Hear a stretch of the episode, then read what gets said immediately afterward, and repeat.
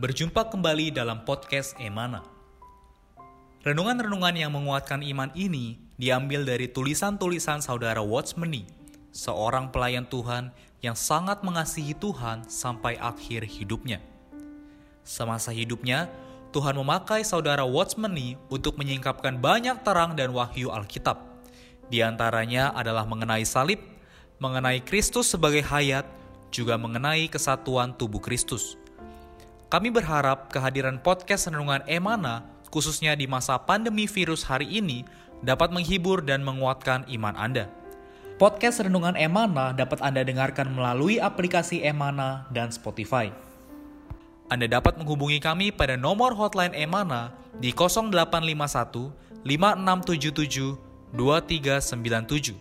Sekali lagi Anda dapat menghubungi kami pada nomor hotline Emana di 0851 5677 2397.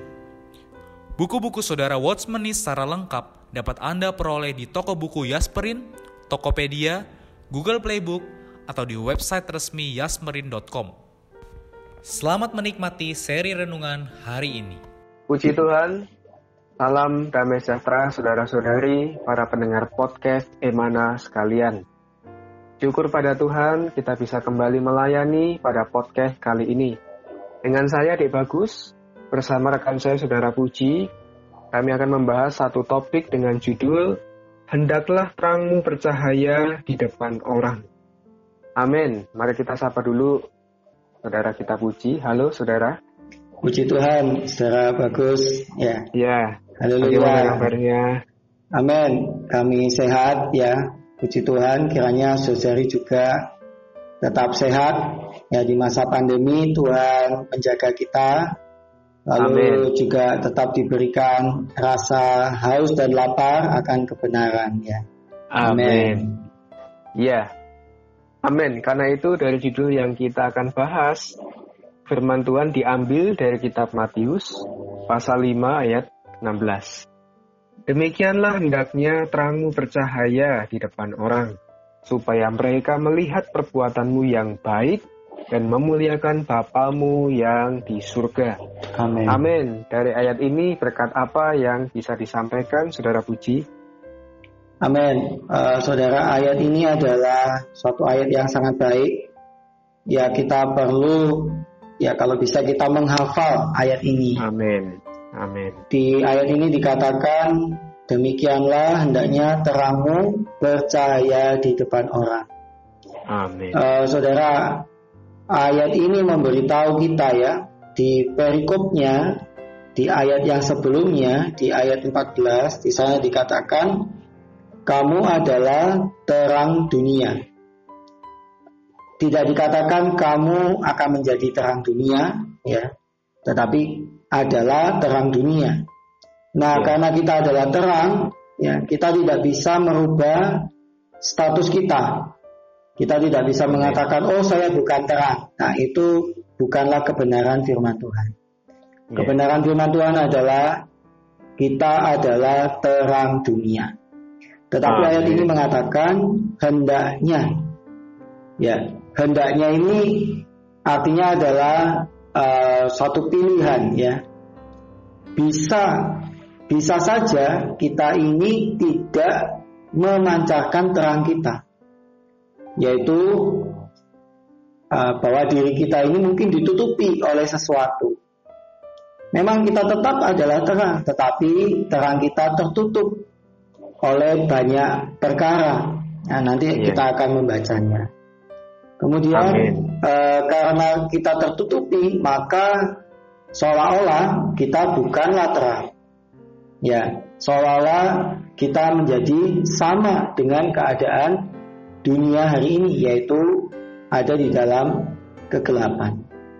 Nah, karena itu saudara-saudara, amin. Moga uh, renungan hari ini bisa menjadi dorongan bagi kita ya untuk uh, membukakan wahyu bahwa kita adalah terang dan bahwa kita perlu memancarkan terang kita kepada orang-orang di sekitar kita.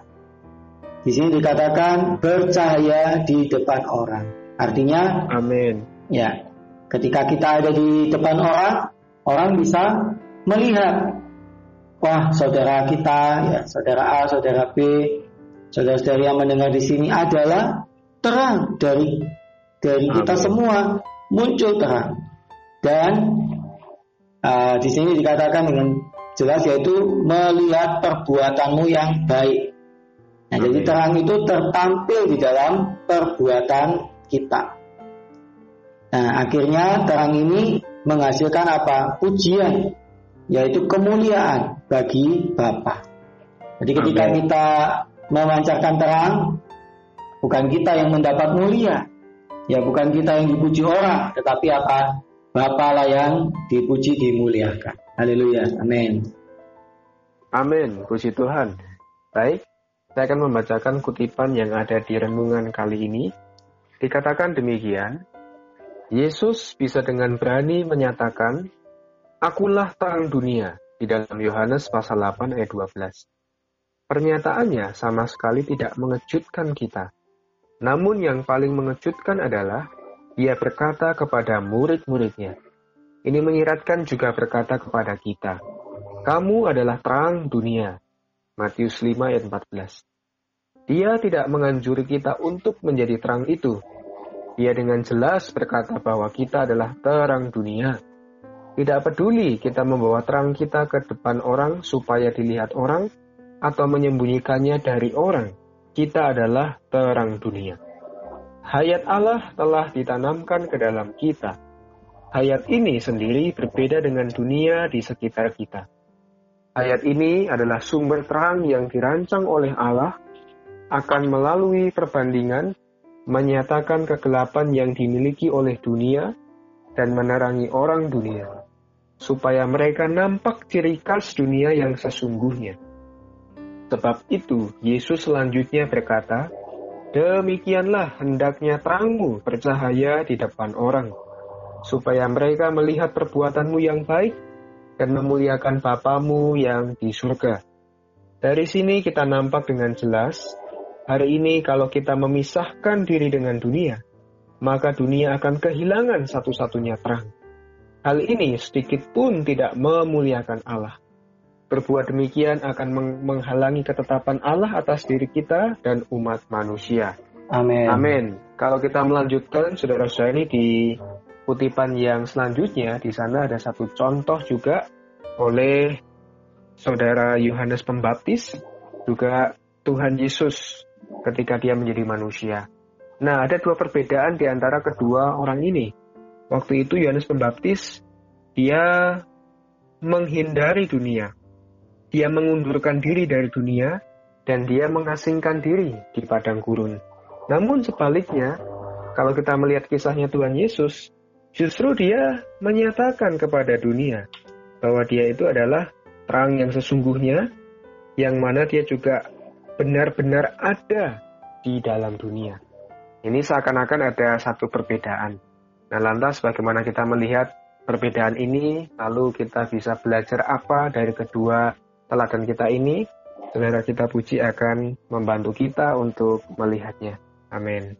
Amin. Puji Tuhan.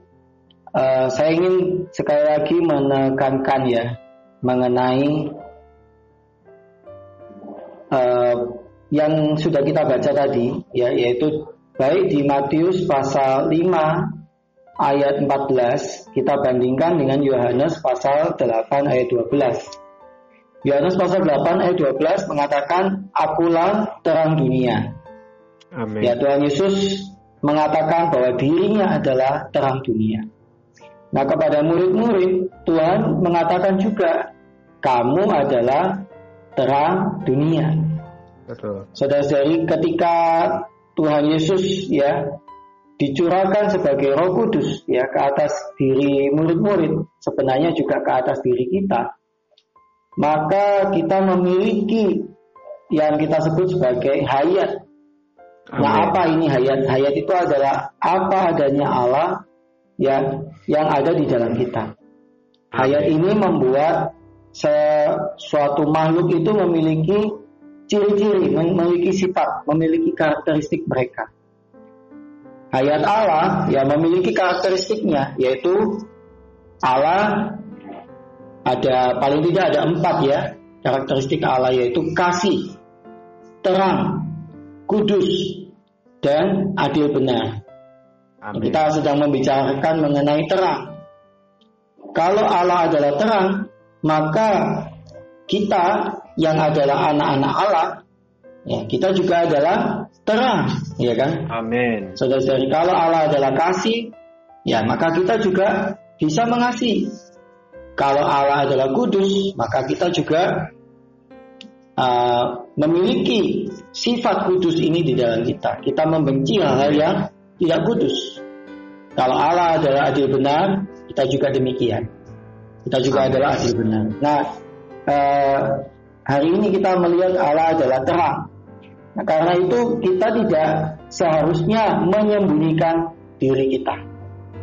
Ya, dunia ini adalah dunia yang gelap.